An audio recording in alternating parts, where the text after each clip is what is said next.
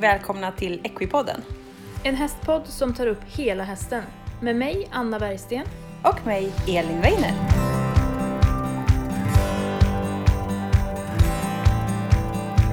Hej på er och välkomna till veckans avsnitt av Equipodden. Jag sitter här med Jonna Landén.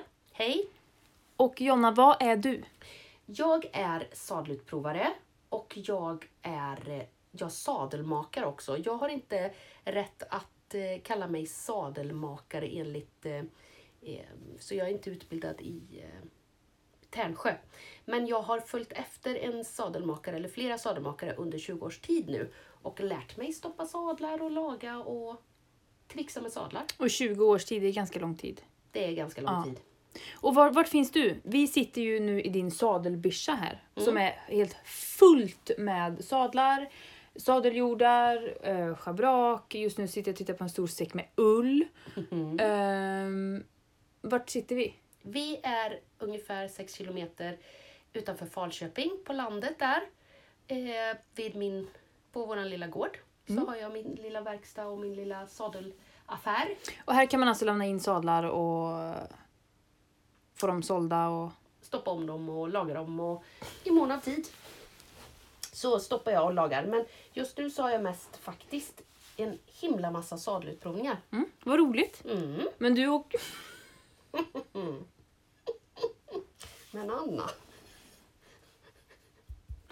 Du åker ut också. Ja, det är jag. Mm. Men allra bäst är faktiskt att komma hit för jag kan omöjligt packa bilen full Nej, du har alla. hur mycket sadlar som helst här. Ja. Ja. Och sen har jag också... Eh, hemma har ju jag tillgång till att göra lite justeringar på stoppningar och jag kan även eh, eh, vidga eller klämma ihop bommar och så. Så att Mm. den, den maskinen är ju...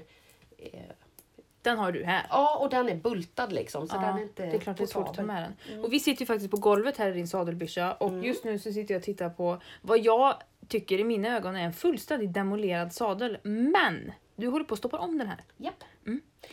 Jag håller på att fylla på den för den är, eh, eh, stopp, den är ullstoppad och ullen packar ju sig när man rider och Mm. hästen svettas och eh, den, det blir mycket rörelser och så. Så att då Mm. blir det ullen packa sig liksom. Och då måste man fylla på den för att man ska se till att sadeln har både höjden på den så att den inte lägger sig på manken på hästen men också att den är fräsch och pigg och inte har knölar. För knölar är ju inte bra att rida på. Alltså, här är ju du och jag ett litet komplement och vi jobbar ju faktiskt ihop en del. Mm. Eh, Jag möter mycket utrustningsproblematik när jag är ute och jobbar. Mm. Och det är ju jätte, jätte, jättesvårt det här med sadlar. Mm. Jag har ju själv suttit i sadelutprovnings supersvåra träsket. Mm. Eh, och ja, vi tänkte börja med lite här, eller vi, det är faktiskt bara jag idag för det är bara jag som kunde åka hit för Elin är ute på andra äventyr. Och det är bra att vi kan dela på oss.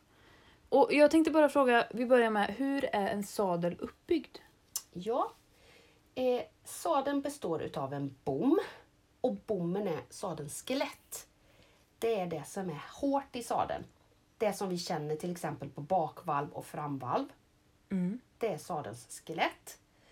Och sen så är det ju en massa läder på då för att vi ska sitta bra och för att vi inte ska få skavsår och för att vi ska kunna spänna den och så vidare. Då, va? Men sen är det också en del som är mot hästens rygg och det kallar vi ju bossan då. De, Och det är de två kuddarna som ja, ligger precis. mot ryggen. Just det. Mm. Mm. Och jag har ju tagit lite bilder här och filmat dig när du har plockat isär den här sadeln så vi kommer lägga upp på både Instagram och Facebook. Men vad är sen då? Sen är det ju... Eh, bossarna har ju en utformning som kan matcha olika typer av ryggar. Till exempel ryggar som är svängda, ryggar som är överbyggda, ryggar som är smala, då kallar vi det ofta för takformad. Eller ryggar som är runda, liksom som en tunna. Så att bossan spelar stor roll, men det gör även skelettet. Alltså bommen. Ja. Mm. Mm. Och hur många olika typer av bommar finns det? Åh herregud. det, det, vet ingen. Det är oklart. Det vet ingen. Många. Det finns så fruktansvärt mycket olika bommar. Mm. Mm. Mm. Och eh, faktiskt är det så att eh, Det finns bommar som är eh, till exempel de engelska sadlarna, de görs ofta på engelska bommar. Så att man kan få samma sadel, samma bom i två olika märken på sadlar. Men sen finns det märken som har helt egna eh, egentillverkade bommar som de har utvecklat själva och som de håller inom sitt eget märke. Så egentligen så skulle det ju vara väldigt bra ifall man kunde märka sadlar med vilken bom det är så vet man, ja, ah, den här sadeln är en, en A3-bom i. Då vet jag att då kan jag leta efter en annan sadel med en A3-bom i och då är sannolikheten att den ska ligga på min häst ganska stor. Så, men man pratar ju mycket om att det är eh, karbonbom eller alltså sådana saker. Mm. Hur många olika material finns det som man gör bommar i? Ja, eh, det finns ju olika plastmaterial och då har märkena sina egna plastblandningar. Och de, eller nylon då. Mm. Eh, och då har märkena sina egna nylonplastblandningar. Sen finns det ju träbommar och sen finns det sånt som kallas för spring steel då, som är stålfjäder.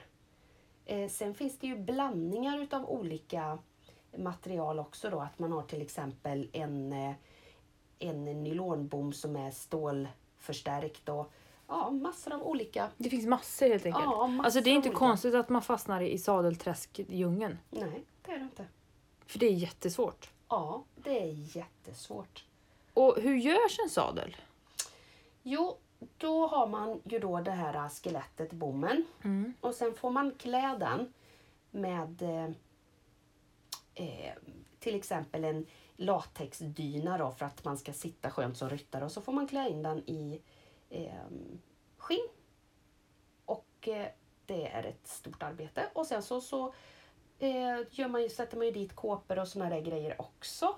Och därefter så sätter man dit bossan då och bossan har man ju det är ju liksom, alla sadlar kan man ta bort bossorna på oavsett om det är latex Som du bossa. har gjort nu, typ. Ja. Mm. Och oavsett om det är latex eller om det är eh, så att den inte är omstoppningsbar eller om det är ull så kan man alltid pilla bort bossan. Och sen så sätter man ihop den, syr ihop den eller sätter skruvar i fram och i, i eh, bak eller runt om sidorna, bakvalvet runt där. För du lossade ju två skruvar här innan vi började. Och fyra. Eller fyra till och med kanske. Mm.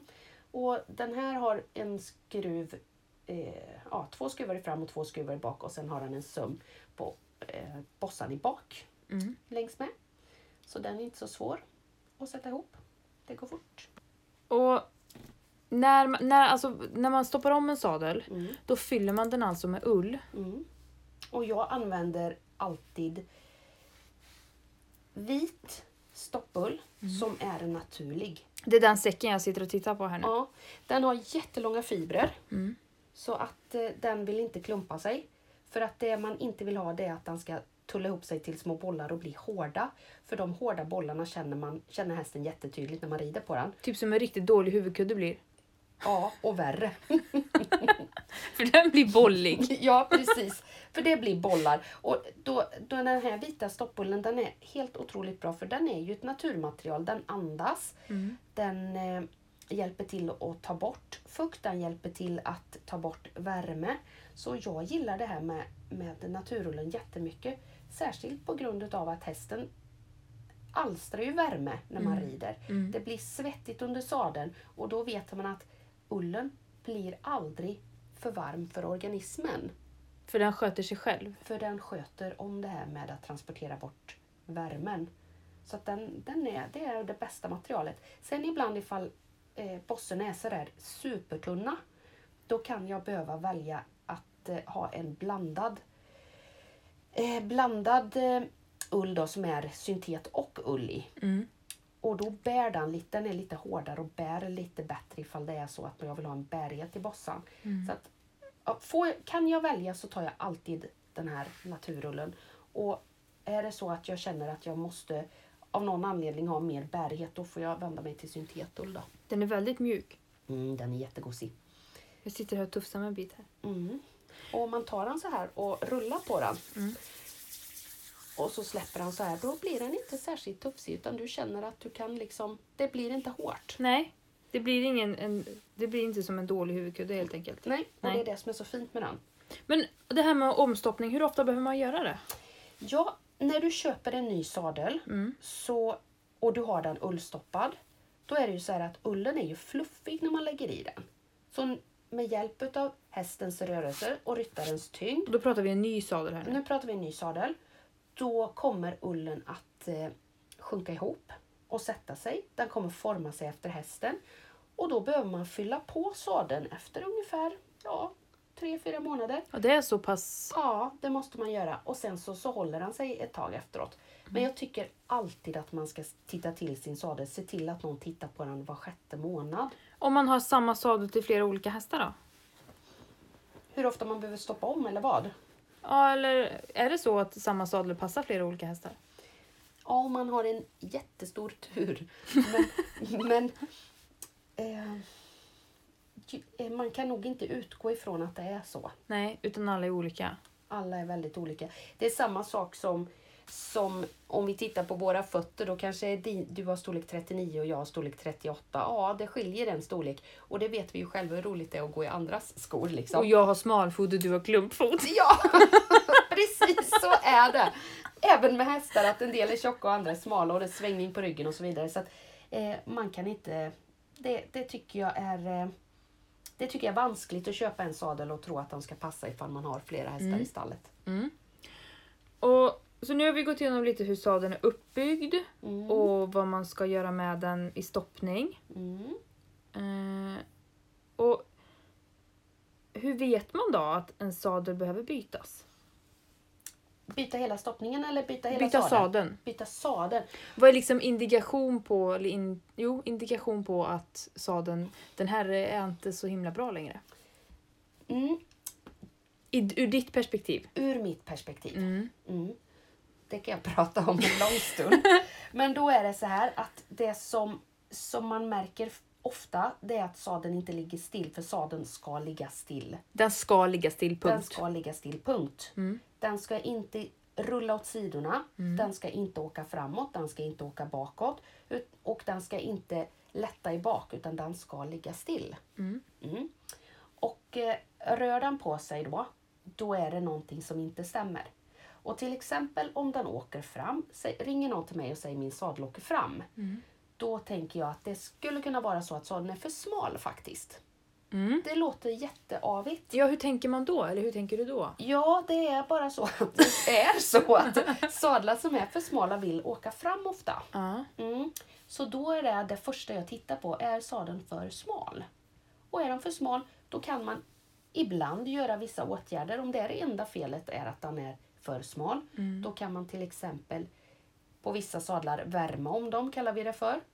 Stoppa dem i en maskin så värmer upp det här nylonmaterialet och så spänner den maskinen sakta ut sadeln till lite vidare vinkel i, i eh, järnen i fram då, eller i, i bommen i fram. Mm. Har man andra typer av sadel så finns det ibland järnvalv då. Att valvet är alltså framvalvet. Då kan det finnas järn där i och då kan jag stoppa den i en maskin som jag har och då spänner jag om den med våld då. Antingen- Med våld? Med våld. Ja, med kraft alltså. Eh, så att då spänner man in den eller spänner ut den då. Okej. Mm. Och sen så finns det ju sadlar som har eh, utbytbara järn då så att man kan ändra en järnstorlek i, eh, i fram då. Mm. Och det finns det också sådana märken då. Och andra sadlar får man byta. Ja. Jag tror alla som har häst har någon gång suttit i sadelträsket. Sadelträsket vill ingen vara i. Där är jag jämt känner jag ibland. Ja, Med mina hästar. ja. och det, folk tror det inte men jag kan också komma i sadel Är det som skomakarens barn? Nej, det är det inte.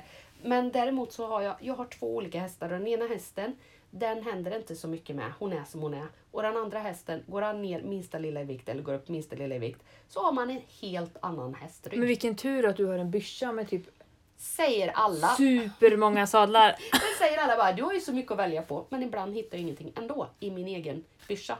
Till min egen häst. Så ja, jag vet hur det är. Vad gör du då? känner för att gråta.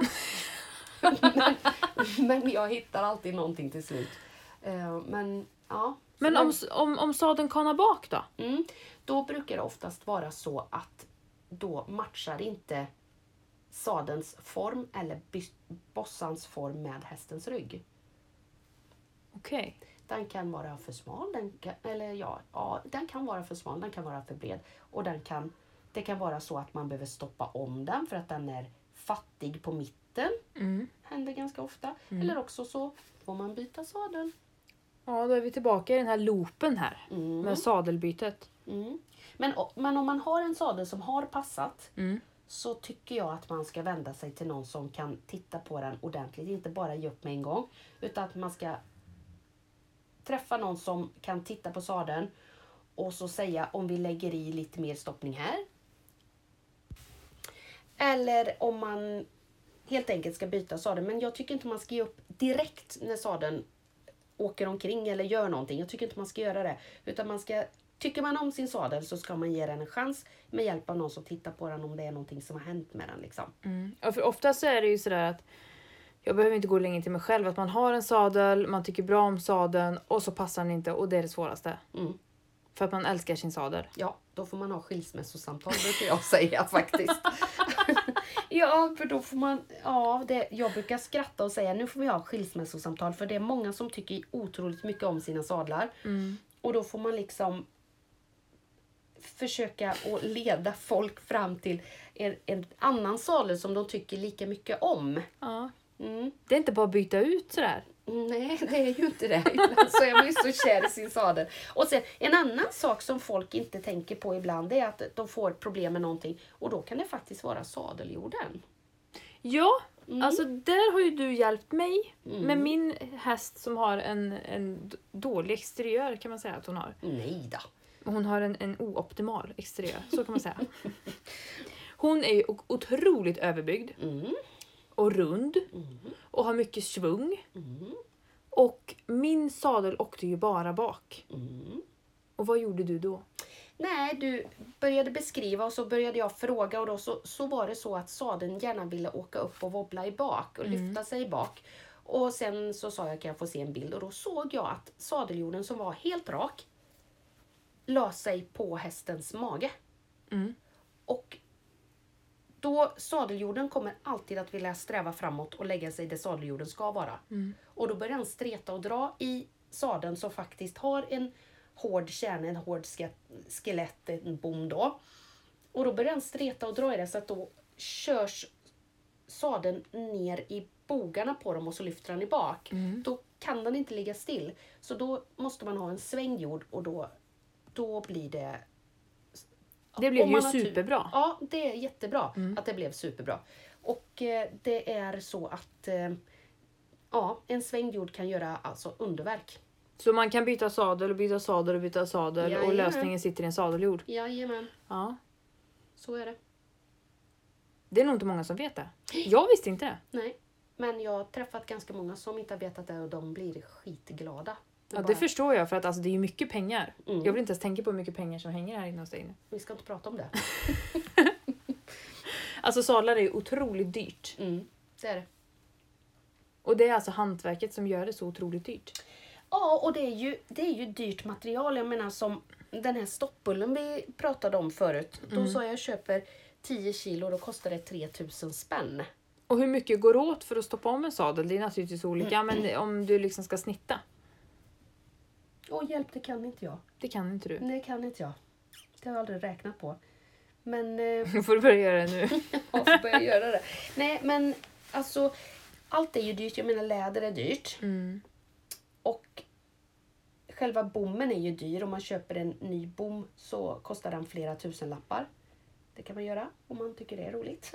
men, men alltså läder är dyrt och bommen är dyrt. Det är dyrt och det är mycket hantverk. Det är förvisso sytt på maskin men det är liksom inte robotar som syr Nej, men alltså, du sitter ju här nu på golvet i din byscha och, och stoppar den här för hand. Ja. Så man förstår ju att det är ett jättehantverk. Ja, det är det fortfarande. Och det spelar ingen roll att det finns stora fabriker som, som gör sadlar, särskilt i Sydamerika då, så finns det jättestora fabriker. Så är det alltså hantverkare som sitter och eh, eh, gör sadel på sadel på sadel. Liksom att det går på ett löpande bandprincip, men det är lik förbaskat är ett hantverk alltså.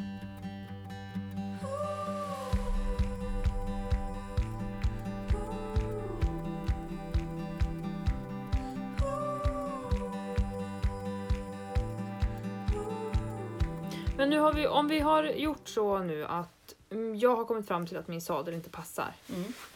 och så ska jag leta efter någon som ska byta ut den. Mm. Då tror jag att det är många som undrar vad är skillnaden mellan en sadelutprovare och en sadelmakare? Mm.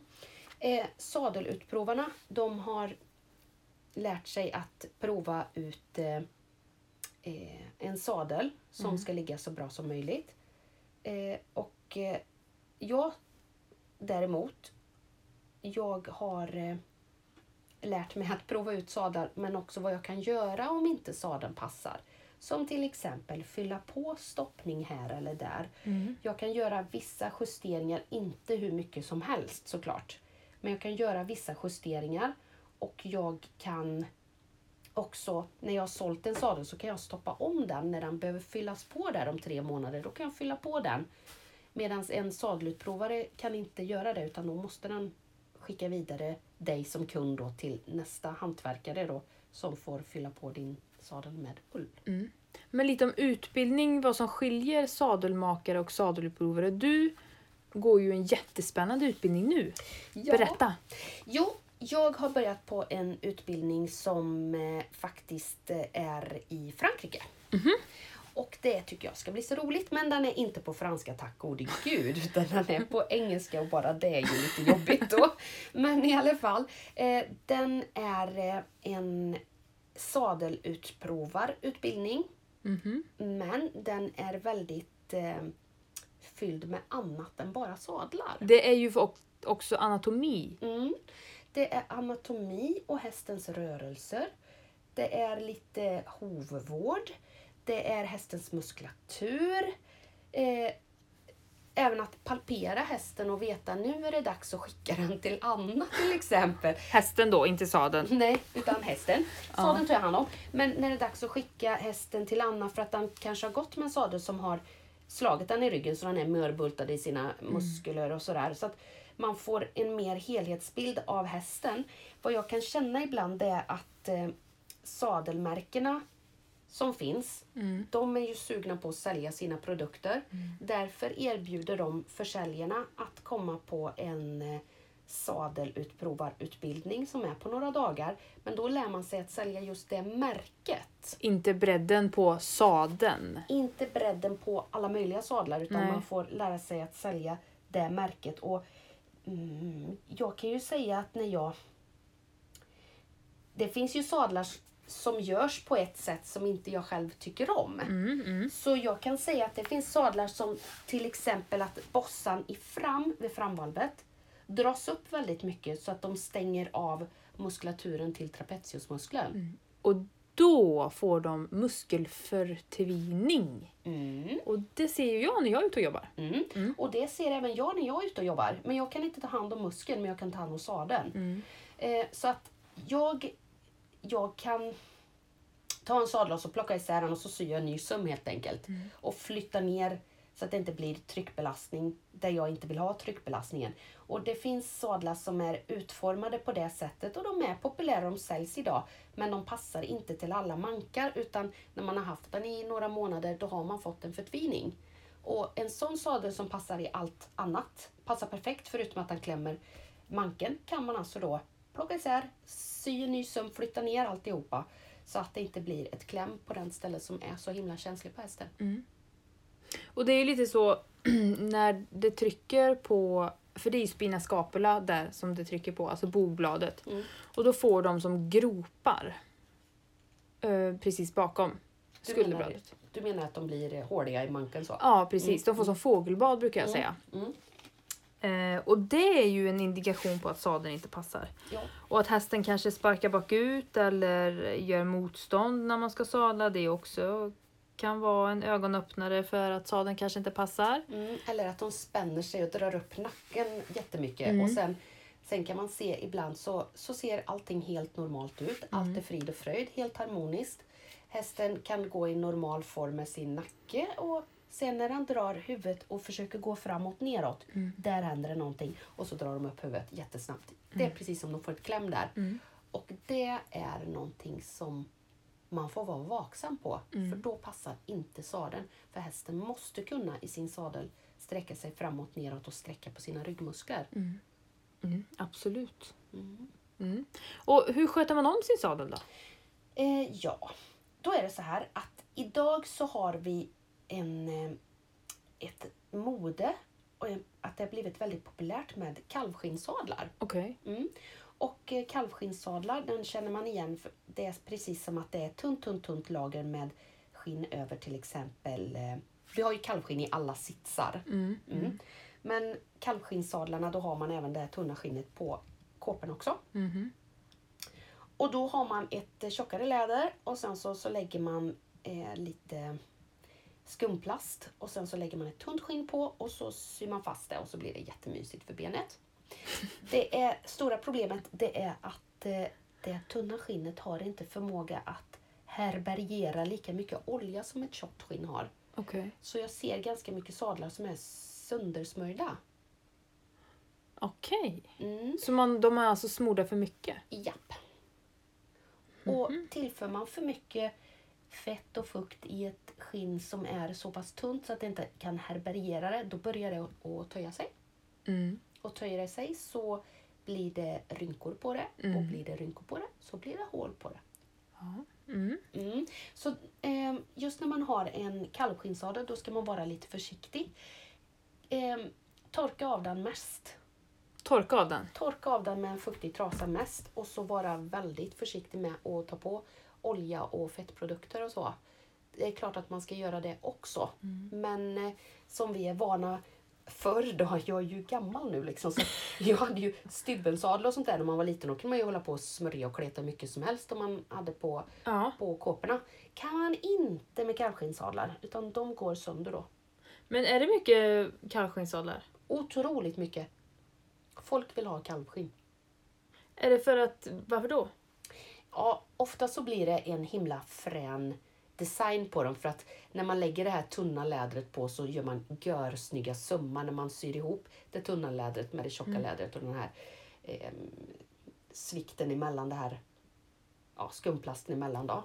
Det blir gör mycket snygga sömmar och det ser läckert och fränt ut liksom. Snyggt. Mm. Mm. Eh, men också att det är mjukare. Det blir ju mjukare alltså. Det blir mer behagligt att sitta Ja, i. mm. Så det är dubbelt där liksom. Mm. Medan de här äh, sadlarna som är de här old fashion sadlarna med tjockt 3, 4, 5 millimeters läder, det kan man behandla. Där har man ju snarare problemet så att, eh, att det är svårt att få det mjukt i början. Ja. Så det kan man gå på. Det kan man, det kan man nog inte smörja för mycket ett tag alltså. Det tror jag inte. För det är ju mycket oljor och grejer mer än vad det var förut upplever jag. Mm. Är det, finns det något positivt och något negativt med att olja sin sadel? Alltså, det, det jag tycker och det, jag, det man ska passa sig för, det är de som när man öppnar locket så luktar det olja, typ motorolja. För då är det petroleumprodukter i. Smörj inte era sadlar med motorolja. Just precis, det är det jag vill säga faktiskt. ja, smörj inte era sadlar, för att det är faktiskt så att det kan missfärga lädret. Så om man tar, alla har vi sett gröna sadlar. Eller hur? Du har nog gjort det. Jag har faktiskt inte sett en grön sadel. Har du inte sett någon sadel som har tappat färgen och så blir de, skiftar de i grönt? Jo, jo, jo. Mm. Alltså, jag, eh, jag tror faktiskt att det är petroleumprodukternas fel Att de är gröna. att de är gröna. För då är de inte genomfärgade och sen så, så alltså de eh, reagerar med det där, Mm. petroleumprodukterna. Mm. Och eh, chansen att bli av med den där gröna sadeln, det är alltså att eh, gå på ordentligt med eh, någonting som är bara, bara natur. Som till exempel Neat Foods Oil eller, eller eh, det finns sådana med jojoba och alltså naturliga. Naturprodukter. Mm, Mm. För att då när det, det får tillbaks färgen Mm. medan petroleumprodukterna snor färgen. Hur ofta ska man smörja sin sadel då? Jag tycker att man ska skaffa sig ett sånt här, du vet sån här sprayrengöring och sen så ska man bara köra några spray på den allt som oftast och bara torka av den. För det, det gör ingen, det är inte farligt för sadeln alltså att, spraya på sånt. Olja in den då? Det ska man vara mer försiktig med Okej. när man har kalvskinn. Mm. Det ska man vara försiktig med. Alltså kanske var tredje månad. Okej. Ja. Mm. Mm. Och samma sak att man är försiktig på sitsar och så med vanliga sadlar och old fashion sadlar. Att man är försiktig på sitsar och på, på klossar och sånt där. Alla ser ju att klossar brukar gå sönder. Mm.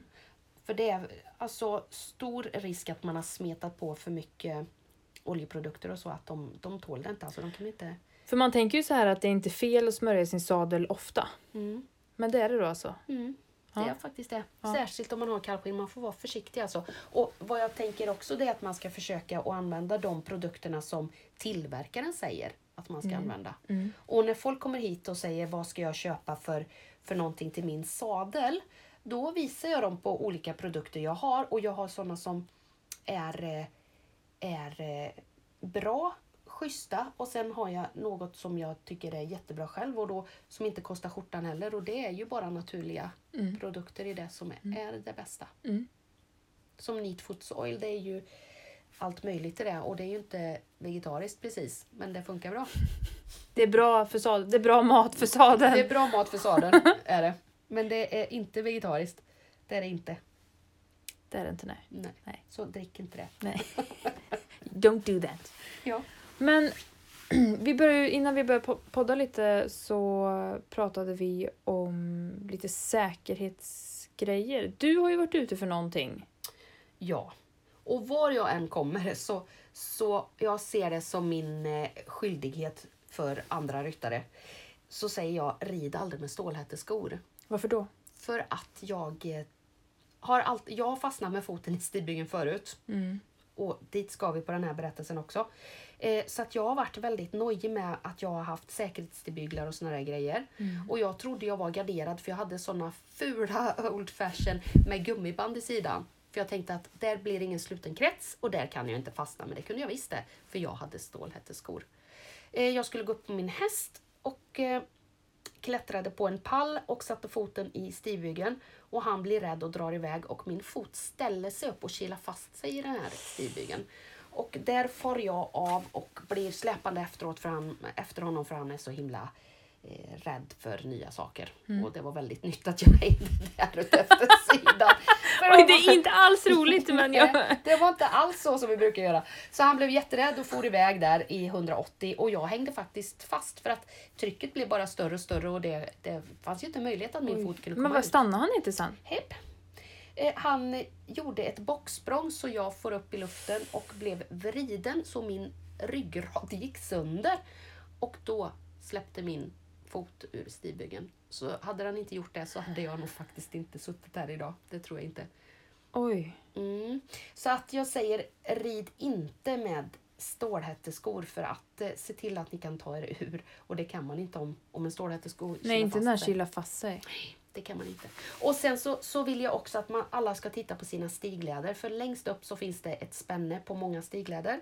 Och längst upp så vid spännet så har man vikt lädret dubbelt och, och sytt fast spännet. Ja. Och de eh, sömmarna måste man se till med jämna mellanrum. Alltid när man, när man putsar så ska man se till det. För att sömmarna håller inte lika länge som lädret gör.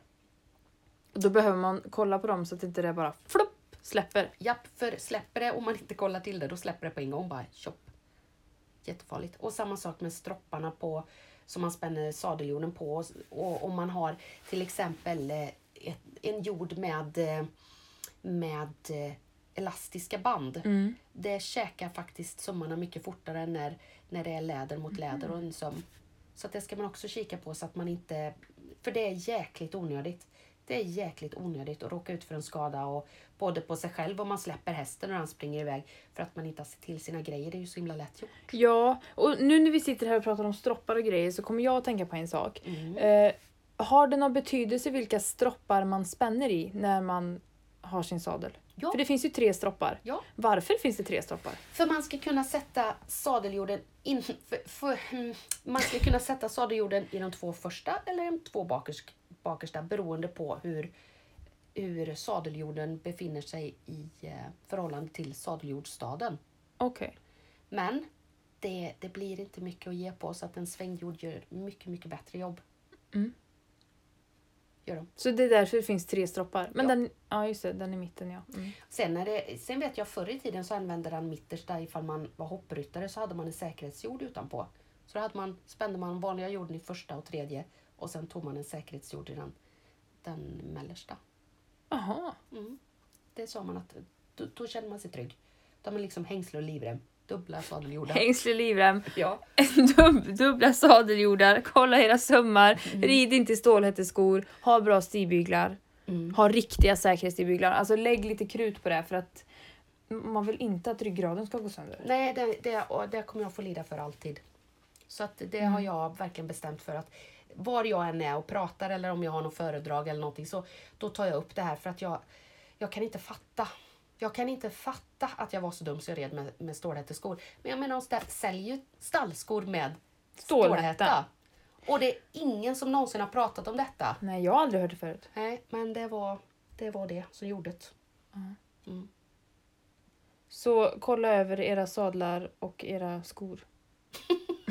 Ja. Rid rätt saker. Ja, ja Alltid. säkerhet är alltid viktigt. Mm. Det är det faktiskt. För även ifall, även ifall man får ett benbrott som går att, att laga och så, så det, är, nej, det, är, det blir avbrott i verksamheten. Det blir Mm. avbrott på träning. Försök att tänka före innan olyckan är framme för att det blir så himla tråkigt. Men om man, om man tappar sin sadel. Mm. Vi ska prata, vi, du ska ju göra en film här om hur man kollar bommen. Mm. Du sa det ska, jag kommer inte se riktigt klok ut men jag gör det ändå. Mm. Men vad kan hända med bommen då? Särskilt när man rider omkull. Ja. då kan bommen gå av. Och det kan ju hända var som helst i sadeln. Både i fram och i mitten och, och, och på sidorna. Så, här, så att den kan gå av. Och ibland så är folk görnojiga för att det har blivit en, ett eh, väck i sadeln. För att då har man läst det på internet någonstans att är det ett väck i sätet, då är bommen av. Och så är det inte. Så är det inte. Okej. För att vi har kalvskinn där. Man kanske har smörjat för mycket. Man kanske har haft svettig polle. Och så har man lagt sin sadeljord. Ja. Ja. Och då blir det vätska från sadeljorden ner i sitsskinnet. Sitsskinnet blir större och sitsskinnet får ett väck på. Så lägg inte era sadeljordar när de är svettiga i sätet. Häng dem bredvid, ta av dem, gör vad ni vill men lägg dem inte i sätet. Det är då det blir väck i. Men sadeln kan förvisso vara sönder när det är väck men det är inte per automatik. Men den, den kan alltså gå sönder om man rider omkull. Om man tappar sadeln då, är det någon fara? Eh, då blir den ju ful och lädret går sönder men att bommen går av för att man tappar den det finner jag helt Då osannolikt. får man tappa dem från tionde våningen. Ja faktiskt och sen köra över den med en truck. Särskilt om Då gamla- är det trasigt. Ja. Så! Ja, nej men gamla stubben kan man säkert köra, om med, köra över med truck utan att de går sönder. Ja, det tror jag. Mm. Och sen är det lite olika också för en del, en del saker i bommen kan man ju faktiskt laga. Mm, då, man behöver inte kassera sadeln. Inte alltid. Nej. Ganska ofta. Inte alltid. Det finns också indikationer på att bommen är trasig. Om jag, jag ska visa sen hur jag brukar klämma i sadeln då för att se ifall den sviktar. Då finns det indikationer på att sadeln är trasig. Man kan höra att det, det blir något lite metalliskt ljud eller att det knirkar lite eller sådär. Men då kan det vara också en, bara en helt vanlig nit som har gått av. Så då är det bara att nita om den. Så släng inga sadlar. Kolla upp dem först. Ja, kolla upp dem först. Mm. Speciellt om man älskar sin sadel. Speciellt Då behöver då. man inte ha Mässan. Skilsseparationssamtalet. Nix pix. Då lagar vi sadeln istället. Nej, och sen... eh, Det förhållandet går att laga. Ja, det förhållandet går att laga. Nej, men det kan ju vara, alltså, det kan vara en, det kan vara jättemycket olika saker men det behöver inte vara så att man ska slänga den fast den, är, den verkar väldigt trasig så kan det bara vara att det har gått en, en nit av till exempel. Jag har nitat om jättemånga sadlar. Mm. Mm. Och eh, sen eh, det som kan hända då när man rider omkull som man inte ser själv det är att den har blivit sned i bommen då. Mm. Och då måste man ta isär den så som jag har gjort nu. Och sen så, så kollar man bommen genom att och lägga den och så vicka lite på den och se om den står stadigt på de här. Att den står stadigt. Mm. Mm. Ja, jag kan visa dig sen. Ja. Alltså jag kommer lägga ut massa filmer här nu Mm. i samband med det här. Och jag är jättenyfiken på hur du ska göra när du ska visa mig. Mm. Och hur man kollar bommen. Mm. Jag har i alla fall lärt mig supermycket av det här. Bra. Mm. Och jag hoppas att ni också har gjort det. Tack så jättemycket Jonna! Mm, tack själva. Och jag kommer lägga ut eh, bilder och filmer på Instagram och Facebook. Så följ oss där och undrar ni någonting om sadlar så kan man skriva till Jola sadelmakeri. Ja. Eller man kan kontakta oss på Equipodden så för vi er vidare. Tack så jättemycket för att du ville vara med. Tack så mycket själva. Hej då! Hej då!